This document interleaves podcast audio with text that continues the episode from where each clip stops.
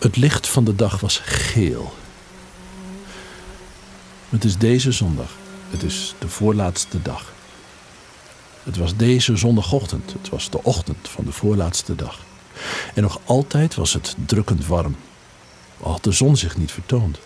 En zou die zich de hele dag niet vertonen. De hele hemel was onbeweeglijk. Terwijl die tegelijk steeds meer naar omlaag kwam, zei het uiterst langzaam. En de bergkammen waren al verborgen, net als het bovenste deel van de gletsjer. Welkom bij Lees Deze, de podcast over vergeten meesterwerken. Dit keer over de wereld van de Zwitserse schrijver Charles Ferdinand Ramu. Een fragment hoorden we uit de roman De Grote Angst in de Bergen. En als je die apocalyptische regels hoort over de drukkende warmte, klinkt het bijna alsof het over de ondergang van de wereld gaat, veroorzaakt door extreme opwarming. De Grote Angst in de Bergen, een boek uit 1926. Uitgeverij van Oorschot omschrijft het als een chroniek van een aangekondigde catastrofe. Daaronder was de geur van de dood die opsteeg. Daaronder was het geloei van de beesten. De beesten die nog rechtop stonden, draaiden zich naar je toe als ze hadden gezien en kwamen dan op je af. De beesten die niet meer konden komen, lagen op hun zij, met hun tong uit hun muil, sommigen al helemaal opgezwollen, bewegingloos onder de vliegen. Het is de ochtend van deze voorlaatste dag. De komende 20 minuten duiken we in meer fragmenten en we horen Rokus Hofstede, de vertaler die woont in de Vlaamse Ardennen in Ronse. Maar hem moest en zou ik spreken, want als er één fan van Ramu is, dan is hij het. Hij ziet De Grote Angst in de Bergen als een ecologische roman avant la lettre. Een boek, bijna 100 jaar oud, dat eigenlijk over de wereld van nu gaat. De ramp die op handen is, zien ze niet. En dat is ook, zou je kunnen zeggen, wat ons nu overkomt. Wij kissenbissen over de economische haalbaarheid van klimaatmaatregelen. Maar de aarde is al 30 jaar noodsignalen aan het uitzenden dat dit model van economische groei niet kunnen handhaven. De aarde reageert al, slaat, is al bezig terug te slaan. Zoals de bergen in de roman van Ramu. Straks horen we Rokus Hofstede uitgebreider. En dan ook de mening van romaniste Manette van Montfrans, die ook al deels woont in bergachtige streken in het buitenland. Ook zij zal inzoomen op de parallellen tussen de personages in het boek en de lezers van nu. Deze bewoners hebben een soort primitivistisch idee van de natuur. De natuur is bezield. Zij zijn ook echt bang voor de natuur. En wij worden nu pas bang voor de natuur. Te laat. Maar voordat we de doorgewinterde kenners aan het woord horen, eerst een enthousiasteling die onlangs De Grote Angst in de Bergen las. Ronnie Terpstra, boekverkoper bij Boekhandel van der Velde in Leeuwarden. Het is echt zo'n klassiek verhaal. Dat gevoel heb je natuurlijk al snel als het een boek is van, uh, van bijna 100 jaar uh, oud. Want het is in de jaren 30 van de vorige eeuw geschreven. Maar uh, ja, deze schrijver slaagde er bij mij eigenlijk vanaf de eerste bladzijde al in om een wereld in te trekken die ja, haast mythische proporties heeft. Waarbij de mens ondergeschikt is aan de natuur en waarbij ja, bijgeloof, religie en al dat soort zaken ja, uh, op een hele mooie manier worden geserveerd. Dus ik werd al heel vroeg in dit boek erin getrokken. Het is ook heel snel duidelijk wat de bedoeling is van dit boek, van dit verhaal, wat de schrijver wil. En toch slaagt hij erin om de aandacht, het volledige boek van zo'n nou ja, bijna 200 pagina's de aandacht uh, vast te houden en een, uh, tot een, met, met een verrassend uh, slot te komen. Dus ja, dan, dan heb je mij wel snel te pakken. Je zegt, het wordt al heel snel duidelijk wat de schrijver wil. Wat wil de schrijver dan? Nou, de schrijver wil een verhaal vertellen wat enerzijds heel nuchter is, maar wat ook een hele sprookjesachtige laag heeft. Er is een kleine gemeenschap er is, er is iets nodig. Dat gaan ze halen op een andere plek. Die plek is min of meer vervloekt. Ze gaan toch. En het gaat mis. En uh, dat is eigenlijk in de notendop uh, wat er gebeurt. En vervolgens, ja, de, context waarin hij dat in plaatst, ja, die vind ik gewoon, ja, dat vind ik gewoon heel erg mooi.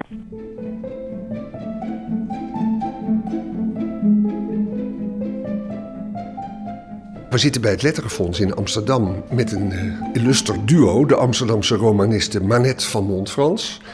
Die vorig jaar een lezing gaf over het boek op de Alliance Française in Zutphen onder de prikkelende titel Heidi réécrit par Cormac McCarthy. Wat in het Nederlands vertaald zoveel wil zeggen als. Uh, Heidi herschreven door Cormac McCarthy. Dus je bent uh, ja, een kenner van deze titel en hebt daar zelfs een lezing over gehouden. En Rokus Hofstede, de vertaler, die ook een nawoord heeft geschreven bij De Grote Angst in de Bergen. En die ongetwijfeld geworsteld heeft met dit boek, want het is een typische uh, verteltrand met verleden en heden en droomachtige sfeerbeelden en bikkelharde ontwikkelingen. Een klus vooral van lange adem om de dosering te vinden die nodig was. Ja, eigenlijk om het poëtische effect van het Frans niet te verliezen, niet helemaal te verliezen. Hij, hij heeft zo'n merkwaardig afwijkende uh, schrijftrand met herhalingen, met steeds wisselende werkwoordstijden, dat het heel moeilijk was om aan te voelen wanneer werkt het als poëzie en wanneer begint het een hinderlijk maniertje te worden waar de lezer door wordt vervreemd. Dus het was een soort uh, evenwichtsoefening. Ik, ik uh, noem in het nawoord het smalle, glibberige pad van de vertaler. Ik vond dat in deze bergencontext wel een, een passend beeld. Maar net van Montfrans, wanneer heb je voor het eerst dit boek eigenlijk gelezen? Een boek dat vrijwel niemand kent.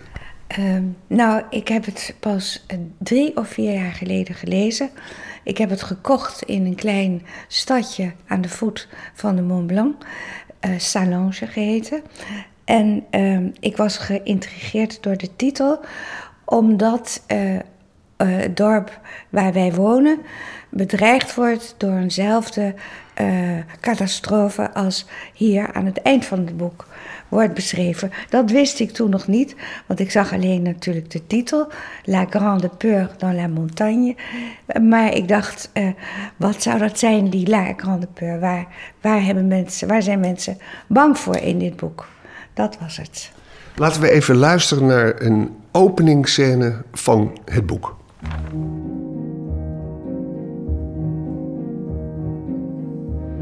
De voorzitter voerde nog steeds het woord was tien uur s avonds en de vergadering van de dorpsraad was al vanaf zeven uur bezig. De voorzitter zei: Dat zijn verhalen. We hebben nooit echt goed geweten wat er daarboven gebeurd is. En het is nu twintig jaar terug. Het is van vroeger. Eén ding is duidelijk als je het mij vraagt. Namelijk dat we al twintig jaar achter elkaar mooi gras laten verpieteren Genoeg om de hele zomer 70 eh, stuks vee te weiden. Dus, als jullie denken dat de gemeente rijk genoeg is om zich die luxe te permitteren, zeg het dan. Maar ik denk van niet. En ik ben verantwoordelijk. Onze voorzitter Maurice Pralon was namelijk door de jongeren benoemd. En de partij van de jongeren stond achter hem. Maar hij was ook de partij van de ouderen. Dat is het hem juist, zei Munier Jij bent te jong, wij niet. Wij weten het nog. Toen heeft hij nog maar eens verteld wat er twintig jaar terug was gebeurd. Die hoge Alpenweide, Sassenaire geheten. En hij zei: Ons gras gaat ons net zo goed aan het hart als jullie. En net zo goed als jullie trekken wij ons de gemeentefinanciën aan. Maar telt geld nog als ons leven op het spel staat? Rokus Hofstede. Wat gebeurt hier? Ja, we zijn hier verplaatst in een uh, dorpje in het, uh, in het kanton Wallis, uh, het Franstalige deel van het kanton Wallis, in het Hooggebergte zou je kunnen zeggen. En het moet ergens eind 19e, begin 20e eeuw zijn. En er is een geheel volgens de Zwitserse basisdemocratische tradities is er een dorpsraad gaande waarin men zich moet uitspreken over het al dan niet in gebruik nemen van een, van een weide, een pâturage, een, we zouden ook een alm kunnen zeggen. Uh, dat is een, een, een, een alpenweide hoog op de berg, waar uh, in de zomer uh, het vee kan, kan worden ondergebracht. En ja, wat economisch dus een interessante zet is. Maar volgens de ouderen van het dorp is die weide vervloekt. Er zijn daar uh, vreemde ongelukken gebeurd. En ze zeggen dat je de bergen uh, met rust moet laten, dat je die wei niet moet betreden en uh, de jongen winnen het pleit. Dus diezelfde zomer gaan er 70 koeien en zeven herders naar boven. En wat er dan gebeurt, dat lezen we in de roman. Maar net er hangt onheil in de lucht. Er is eigenlijk een conservatieve stroming die zegt: doe het niet, blijf daar weg. En er is een nieuwe generatie die, het, ja, die zegt: uh, de economie vraagt dat we daar naartoe gaan, want het vee moet leven. Je hebt een lezing gehouden in 2018 over dit boek. Wat was de strekking van die lezing? Aanvankelijk uh, associeerde ik die tegenstelling tussen de oude garde en de jongere garde met de titel van het boek van Cormac McCarthy, verschenen in 85. No Country for Old Men. En ik dacht, die Alpenweide, dat is geen gebied voor oude mannen. Want oude mannen, die zijn wijs, eh, die hebben al veel gevaren meegemaakt. Ze weten dat zich daar iets heeft afgespeeld. Ze herinneren zich, dus zij onthouden zich liever van een tocht naar boven. Um, maar in het boek zit ook een idylle die, waarvan je eigenlijk denkt: oh, wat schattig. Uh, tussen uh, Joseph en Victorine. Dat zijn twee jonge me mensen. En die Joseph die, gaat ook naar boven. want dat besluiten ze uiteindelijk. en hij wil graag trouwen met Victorine. En dan moet hij een soort nou ja, uitzetten of alles wat je daarvoor nodig hebt. Een feest, mooie uh, jurk voor het meisje. Uh, dus, en zij is heel erg terughoudend. Zij wil dat liever niet.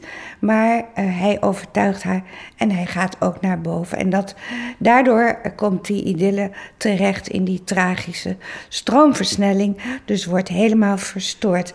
Nou, aan het verhaal Heidi, dat overigens ook door een Zwitserse schrijfster is geschreven. Uh, daar kleven allerlei stereotype beelden van lieflijke Alpenweiden, Heidi en Peter. Nou, dat weten jullie allemaal wel. Ja, ja het, is, het is een mengeling van een, uh, van een inktzwart boek... Ja. waar alles misgaat en dood en verderf op de loer ligt... en inderdaad een hele zoete kant die je sentimenteel zou kunnen noemen. Hij zei bij zichzelf: Nu mag ik niet meer naar beneden, zij mag niet meer naar boven en we worden van elkaar gescheiden. We worden helemaal van elkaar gescheiden. Zij wou niet dat ik omhoog ging. Had ik maar naar haar geluisterd, terwijl die nog steeds voortging zonder te weten waarheen. Ja, ze zien meer dan wij, vrouwen, zien scherper dan wij. En waar ben jij nu, lieveling, jij, naar wie ik niet heb geluisterd? Ja, ze zien meer dan wij, vrouwen, zien scherper dan wij. En waar ben jij nu, lieveling, jij naar wie ik niet heb geluisterd?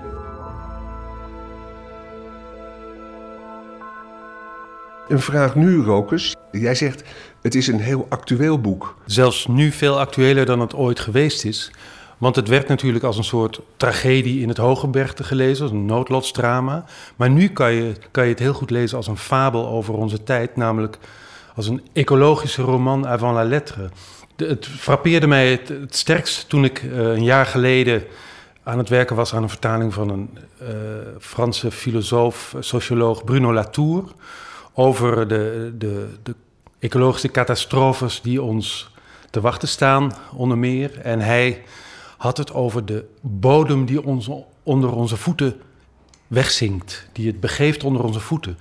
Uh, zowel de mensen die door klimaatverandering op op de vlucht slaan als de mensen die hun eigen veilige territorium aan het verliezen zijn.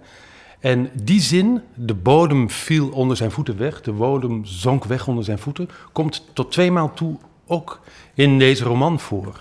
En ja, dat was zo'n frappante overeenstemming dat ik dacht, daar is een link tussen te leggen. En eigenlijk klopt die hypothese heel erg goed als aan de slot van de roman de, de, dorpelingen elkaar eh, met eh, kruisen vanuit het kerkhof te lijf gaan, dan zien ze helemaal niet dat 90 graden van, of een kwartslag gedraaid, dat de berg bezig is op hen af te komen.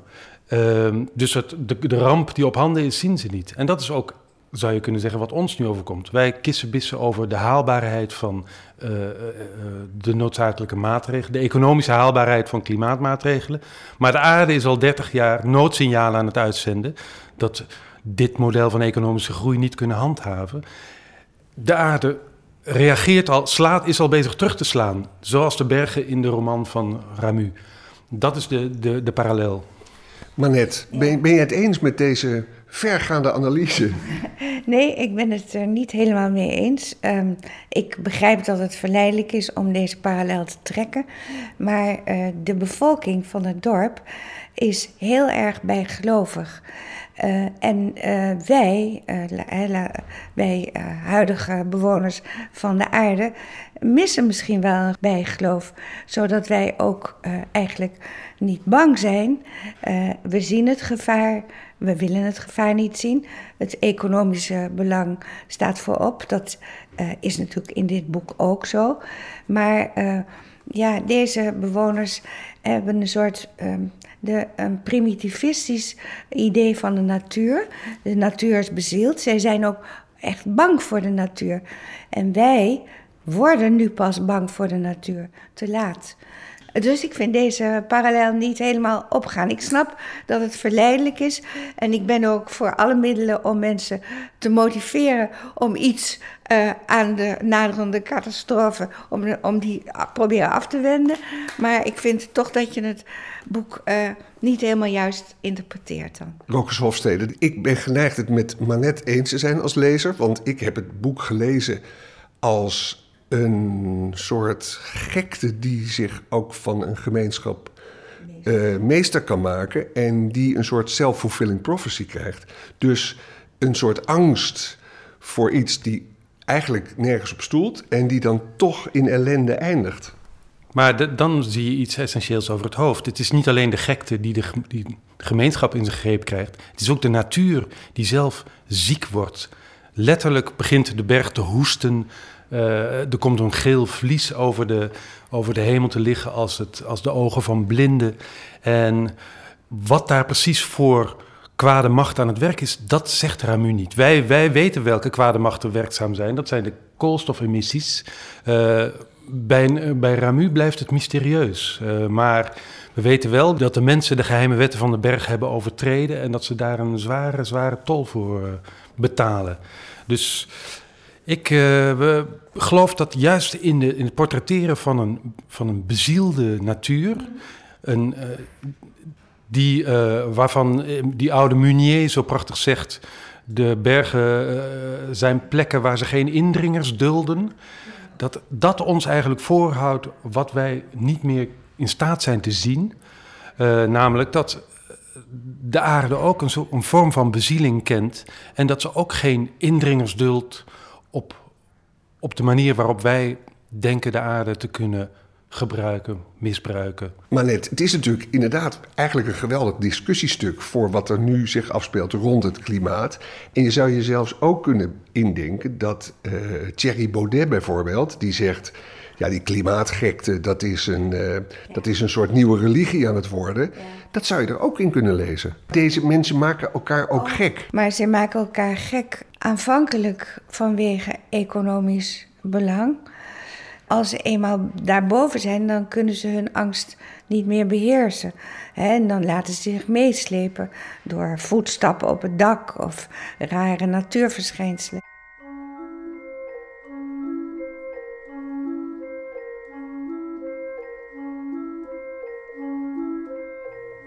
Het was als aan het begin van de wereld, voor de komst van de mens. Of anders, als aan het eind van de wereld, als de mensen van de aarde zijn weggedomen. Nergens beweegt er meer iets. Er is niemand meer. Alleen lucht, steen en water. De dingen die niet voelen, de dingen die niet denken, de dingen die niet praten. Je luisterde. Er kwam niets. Het was een windstille nacht. Je luisterde nog eens. Er kwam nog steeds niets. Daarom begon, bij wijze van contrast, binnen in de hut het knappen van het vuur te klinken als een hard geluid. Of ook wanneer iemand een voet verplaatst of wanneer iemand hoest of spuugt. Rokus, jij hebt een speciale band met dit boek gezien jouw eigen achtergrond. Ja, dit is voor mij een, een, eh, een, een sterk moment, omdat het een, een, soort lus van 50 jaar uh, rondmaakt. Ik kende Ramu al voordat ik uh, hem ooit gelezen had, zelfs voordat ik Frans sprak. Want ik, ben, uh, ik heb een deel van mijn jeugd in Frans-Zwitserland doorgebracht. En als twaalfjarige jongen nam ik de treinen naar uh, het station van Lausanne en liep dan over de avenue Charles-Ferdinand Ramu naar mijn school. Dus ik heb aan Ramu en aan mijn verblijf in Zwitserland uh, kennis van het Frans te danken en indirect mijn vertalersroeping. En uh, ik weet dat mijn oudere broer uh, andere romans, D'Herborance, ook zo'n noodlots, zo'n catastroferoman, aan het lezen was. waarschijnlijk stond hij op de leeslijst. maar ik ben hem zelf pas decennia later gaan lezen. En hij is nu echt hij heeft zo de, de status van nationaal schrijver. Hij, bevindt, hij staat zelfs op een biljet van 200 Zwitserse frank. Dan heb je toch wel iets bereikt als je tot, schopt tot op een bankbiljet. Maar door hem nu pas te ontdekken... Wij hebben het voorrecht dat we hem onbevooroordeeld kunnen lezen. Dat we eigenlijk de bron van zijn schrijverschap, zijn creativiteit weer kunnen aanboren... zonder al die opsmuk van uh, dit is een literair monument, hij staat op, verplicht op de lijst... En ja, dan, dan blijkt het toch nog heel erg uh, suggestief te zijn. En hij heeft een vrij groot oeuvre waarvan dit ook in Zwitserland gezien wordt als het hoogtepunt. Er zijn, andere, er zijn andere romans, La Beauté sur la Terre, D'Herborance, uh, die ook wel... Het is een, een oeuvre met verschillende pieken. Het, het enceneren van catastrofes, dat is wel een van zijn specialiteiten. Dus in D'Herborance stort ook een berg in. Daar kom je wat dat betreft wel aan je trekken. Uh, La Beauté sur la Terre is een, op een andere manier een heel actuele roman. Want vertelt wat er in een Zwitsers dorpje gebeurt als daar een Cubaans meisje terechtkomt. Dus daar zie je de confrontatie van de, de, de vreemdelingen die een gemeenschap uh, op uh, stang jaagt of op... Ja. op uh... is trouwens bij de Franse pocketuitgave van La Grande Peur... is een voorwoord geschreven door Jacques Chessex over een Joodse familie... In een, ook in een klein Zwitsers dorpje. Un juif pour l'usage, un juif pour l'exemple. Un juif pour l'exemple, ja. ja. En dat is een heel benauwend boek... Uh, omdat je ziet hoe die gemeenschap, uh, nou ja, die, die Joodse familie niet accepteert. Maar uiteindelijk ook wordt er iemand vermoord, hè, een van die mensen. Rokers, jij als vertaler, was het een Zwitsers boek? Ook in taal kom je dan tegen, dingen tegen die, die je in de Franse literatuur niet ziet... en die dus jou voor een raadsel plaatsten? Niet speciaal voor een raadsel, maar het is wel een, een heel ander boek dan de, de boeken die uit de zeg maar, de Parijse sfeer en de Parijse uh, cultuur van uh, het geschreven woord komen. Het is geschreven toen Ramu was teruggekeerd na tien jaar in Parijs te hebben gewoond.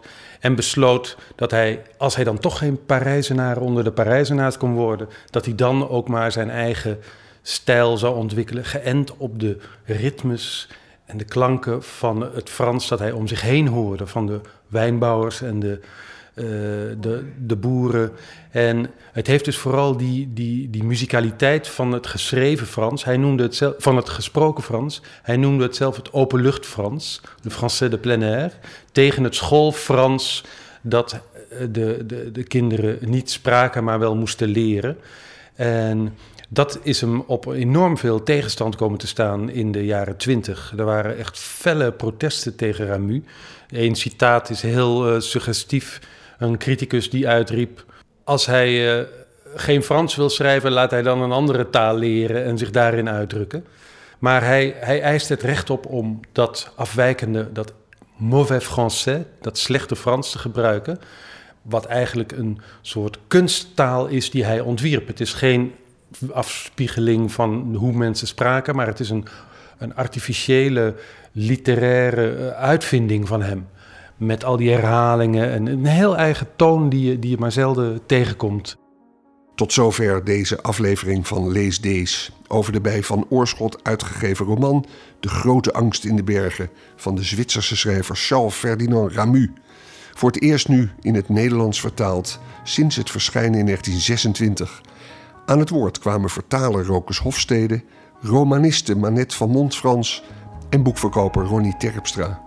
De fragmenten werden gelezen door Matthijs Deen. Lees Deze is een VPRO-podcast aanhakend bij de actie Swap, een initiatief van het Nederlands Letterenfonds met aandacht voor schrijvers of vertalingen die extra aandacht verdienen en voor 1980 verschenen.